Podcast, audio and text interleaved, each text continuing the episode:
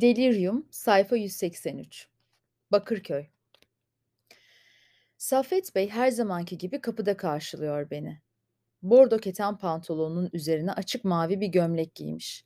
Kirli sakalının altındaki tebessümle bakıyor makyajlı suratıma. Bu sabah ilk defa makyaj yaptım. Kirpiklerime rimel bile sürdüm. Bugün bu çılgın kumpanyada en iyi rolümü çıkarmalıyım. Hayatımın rolü dedikleri türden. Dediğim gibi kendimi yaşadıklarımın rüya olduğuna ikna edersem gerisi kolay. Kemik kadın bir rüyaydı. Rafet neden olmasın? Odanın içindeki memeleri emip kalbimi beyin safıma tıkıştırışım bir rüyaydı. Feride neden olmasın? Kot pantolonuma sığmak için zorlansam da beyaz gömleğimin ucuyla popomu kapatabildim. Serum ve ilaçlar yüzünden su toplamışım ya da yağ öbeklerimi geçici ödemler olarak görme hevesindeyim. Kırmızı konverslerim biraz eskimiş ama kırmızı olmaları yeterli. Epeyce insana hatta kadına benzeyen sağduyulu görüntümle Saffet Bey'i kandıramayacağımı biliyorum. Şüphecilik iğnesini sadece başkalarına değil kendine de batırabilen birisi Saffet Bey. Bilgiyle arasına koyduğu mesafe epeyce derin. Onunla konuşurken nefesime doyuyorum. Yutkunup durmuyorum kurbanlık danalar gibi. Ne yalan söyleyeyim, belki de gerçekten iyileşmişimdir. İçimde ne yaşarsam yaşayayım. Jin pantolonumu çeker, makyaj yapıp tebessüm edebilirsem ve herkesin ağız birliği ettiği gerçeklik hakkında ben de çürük çarık laflar edebilirsem iyileşmiş sayılmaz mıyım? Safet Bey'in masası derli toplu. Yerde birkaç koli var. Henüz bantlanmamış. Seanslar boyunca gözümü dikip desenlerini saydığım uşak kilimi ise dertop edilip kapının arkasına yaslanmış. Temizlik mi var? Yeni eşyalar mı geliyor yoksa bu bir taşınma mı? Hoş geldin Rüya. Bu ne güzellik. Size ne kadar akıllandığımı göstermek istedim. Bir kadına benzersem gözünüzü boyamam daha kolay olur diye düşündüm. Deri koltuklara oturuyoruz. Her zamanki gibi tam karşıma geçiyor. Beni iyiden iyiye süzüyor. Kirli sakallarını ovuşturup ayak ayak üstüne attıktan sonra kararını vermiş gibi görünüyor. İki elini birleştirip gülümsüyor. Ne yalan söyleyeyim, etkilendim. Işığın yeşil olup olmadığına bakacağız. Biliyorum doktor. Şaka ediyordum. Nasıl da böbürleniyor. Tezkeremi verecek komutan. Diplomamı verecek okul müdürü. Kelepçelerimi çözecek bir gardiyan gibi. Bu uzun boylu psikanaliz jandarmasını yine de sevimli buluyorum. Celladına aşık kurban mı oldum? Fıfırla eteğini hoplata zıplata babasına koşup boynuna atlayan at kuyruklu minik rüya. Şaka ettiğini biliyorum. Satır aralarına sakladığın gerçekleri de. Delirmeden evvel de böyleydim. Şizofrenimle ilgisi yok. Şizofren mi? Kendine yakıştırdığın bu mu? Eee, sizlerin yakıştırdığı bu. Ben borderline derdim. Rüya. Ben de çok akıllı sayılmam ama senin gibi biriyle terapi yapmak burada yaşadığım en iyi şeylerden biriydi. Eee, az da olsa psikiyatriye dair ön yargılarımı sarstınız. Hem tezkeremi vereceğiniz için size ömrüm boyunca minnet de duyacağım. Yalnız bir daha Chopin dinleyeceğimi sanmıyorum. A! Seviyorsun sanıyordum. Bir seferinde öyle dediğin için sürekli açıyorum. Aslında siz çok seviyorsunuz diye seslenmiyordum. Saffet Bey camın önündeki kırmızı konsolun üzerinden bir şeyler alıyor. Perdeyi biraz daha açıyor ve bilgisayarına doğru eğilip müziği kapatıyor. Gidiyor musunuz doktor? Evet. Buradaki görevim bitti Rüya. Bitti demek. Hastalarınız iyileşti mi yani? Bunun mümkün olmadığını biliyoruz Rüya. Hayır, ben iyileştim. Olabilir. Pek yakında. Ne görüntüm ne de espri anlayışım Saffet Bey'i ikna etmiş gibi görünmüyor. Umutsuzluk içinde büküyorum boynumu. Tırnaklarımı yemek için ağzıma götüreceğim sırada uyanıp vazgeçiyorum. İnsan ne olursa olsun rolünü perde inene kadar oynamalı. Kulise gitmeden havlu atmak yok. Devam Rüya. Saffet Bey elinde tuttuğu renkli minik defterleri bana uzatıyor. Birkaç tane de kalem. Bunlar senin olsun. Gün geçtikçe iyiye gidiyorsun. İlaçların çoğunu da kestik biliyorsun. Çok yakında çıkacaksın buradan. Çıktıktan sonra neler yapacağını düşünmelisin biraz. Dışarıda seni buradakinden daha neşeli bir hayat beklediğinden emin misin? Beni burada kalmaya ikna edeyim derken içimi korkuyla doldurmaya çalışmanız doğru mu doktor? Özür dilerim. Başka şeyleri kastettim. Biliyorum. Sizi üzmek için böyle konuşuyorum. Neden beni üzmek istiyorsun? Hedefime ulaşabilme ihtimalim kalmadı da ondan. Çünkü gidiyorsunuz.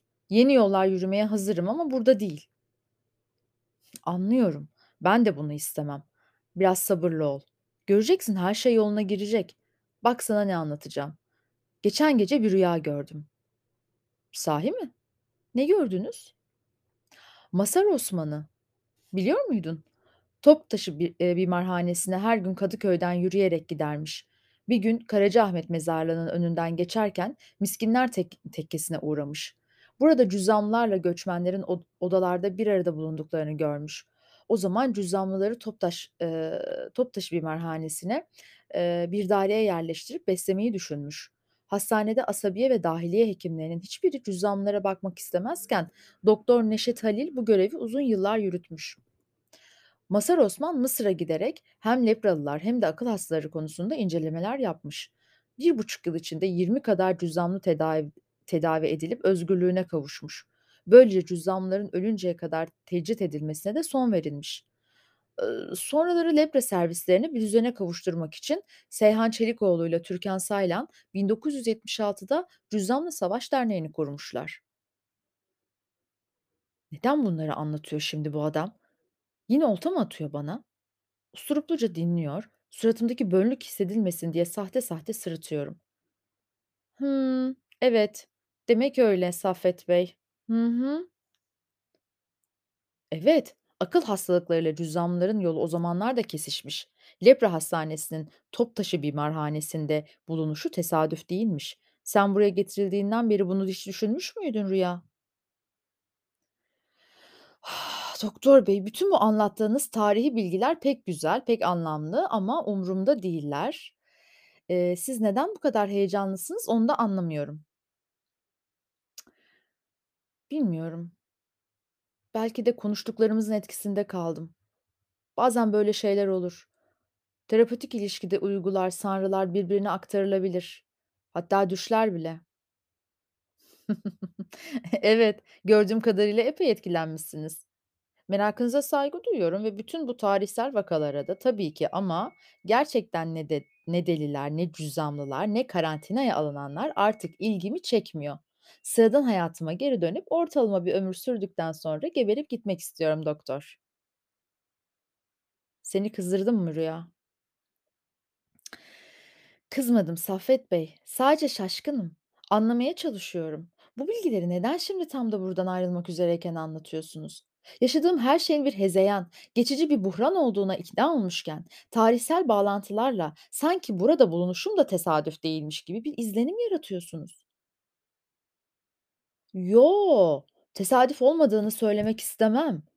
Rüya, hak vermelisin, ben de insanım. Herkes gibi bazı düşlerimin etkisinde kalabilirim. Seni kandırmaya, sınamaya çalıştığımı düşündün değil mi? Hay aksi. Böyle bir şey yok. İstersen rüyamı da anlatayım. Saffet Bey'le son görüşmemiz olduğunu bilmek canımı sıkıyor. Söylediklerine tam manasıyla odaklanamıyorum. Terapistimin rüyalarını dinlemeye hevesli de değilim.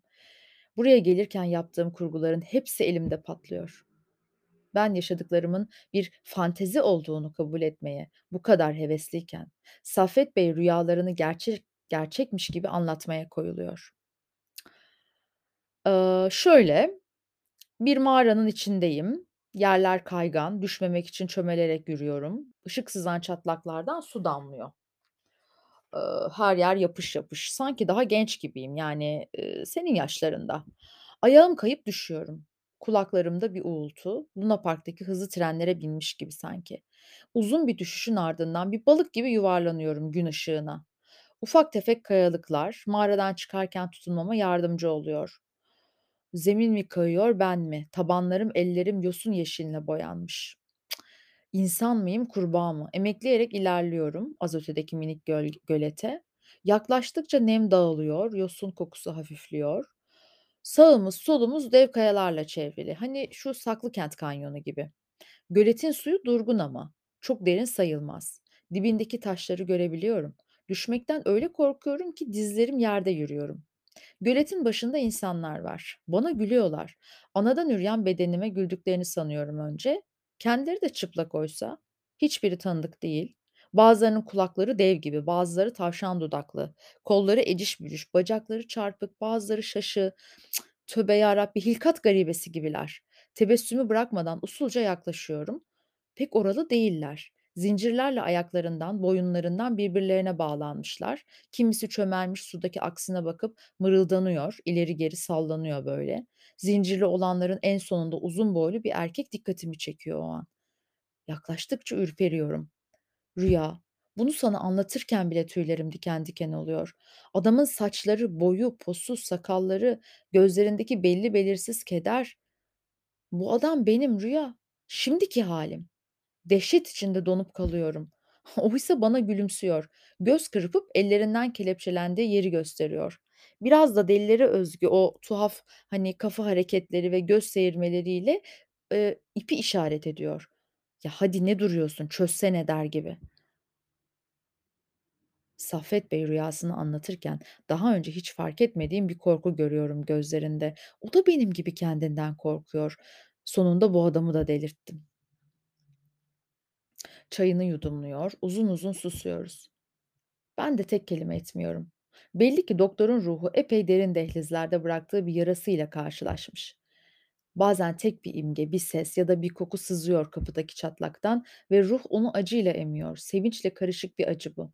İşte seni yakaladım diyen bir sevinç ve e ne olmuş diye alay eden bir yara. Rüya. Bir türlü cesaret edemiyorum adamın ipini çözmeye. İpini mi dem ipimi mi demeliyim? Bir nefes hissediyorum ensemde aynı anda. Sıcak bir el dokunuyor omuzlarıma. Benim yaşlarımda böyle esmer, Hitler bıyıklı bir adam. Masar Osman. Saffet Bey zeki bir adam. Bu fantezi mi, rüya mı ne olduğu belirsiz şeyleri bana anlatmasındaki gayeyi sorgulamadan edemiyorum. Bu kadar iyi oynuyor olabilir mi? Buradan kurtulmaya can atarken deli doktorumun deliliklerine kendimi kaptırıp "Hah, bakın gördünüz mü? Siz de buna benzer şeyler yaşıyorsunuz. Demek ki neymiş? Herkesin başına gelebilirmiş." diyerek çıkış biletimi koçanından ayırıp imzalaması için adamın eline uzatabilir miyim? Saffet Bey şüphe eden rüyayı fark etmekte gecikmiyor. Tamam, seni bunaltmak istemiyorum. Muhtemelen de saçmalıyorum ve bunlardan hiç bahsetmemem gerekir belki de. Doktor, saçma ya da gereksiz bulmuyorum. İlgiyle dinliyorum. İtiraf etmeliyim ki bunları bana anlatma sebebinizden şüphe ediyorum. Birazdan ölülerle konuştuğunuzda söyleyeceksiniz diye korkuyorum. Bu kadar kafi. Tamam. İnanmıyorsan devam etmeyelim Rüya. Terapistimi öfkelendirdiğimi, öfkelendirmeyi başardığıma inanamıyorum. Nasılmış öyle her dediğinden, her ettiğinden şüphe edilip istihza ile bakılması insana? Oh, canıma değsin. Eee, kızmayın doktor, kabalık ettiysem kusura bakmayın. Lütfen anlatın. Anlatmaktan vazgeçmesinin kendisini düşüreceği pozisyondan hoşlanmamış olacak ki çayından bir yudum daha alıp altta kalan uzun bacağını diğerinin üzerine atıp devam ediyor. Saffet evladım geç otur şöyle bir soluklan diyor bana Masar Bey. Kayalıkların yamacına doğru ilerliyoruz. Takım elbiseli bir adam daha var düzlükte. Bize, bize el sallıyor. Tarih kurumu arşivlerinden fırlamış sanki. Boynundaki kurdeleye kadar tam tekmil giyinik bir adam bu. Tanıştırayım sizi diyor Masar Osman. Dostum Neşet Halil ve bu delikanlı da Doktor Saffet. Ertesi sabah araştırmalarım, araştırmalarım sırasında Neşet Halil'in rüyamdaki adamın tıpkısının aynısı olduğunu görünce çok şaşırdım. Doktor Neşet cüzzam tedavilerinden bahsediyor. Masar Osman'la birbirlerine bakıp gülüyor, ara sıra sırtımı sıvazlıyorlar. İşte böyle oğul. Sen sen ol, deliyle akıllıyı birbirinden ayırma. Bil ki biri diğerinin öteki yüzü, diğeri berikinin geçmişi ya da geleceği. Birine deli derken kendine de en az onun kadar deli say. Birine akıllı derken de kendini yine deli say deyip kıs kıs gülüyorlar halime. Ben de onlara katılıyorum. Ta ki eciş bücüş bedenlerin arasındaki bana benzeyen adam tuhaf sesler çıkarıp dikkatimizi çekene kadar.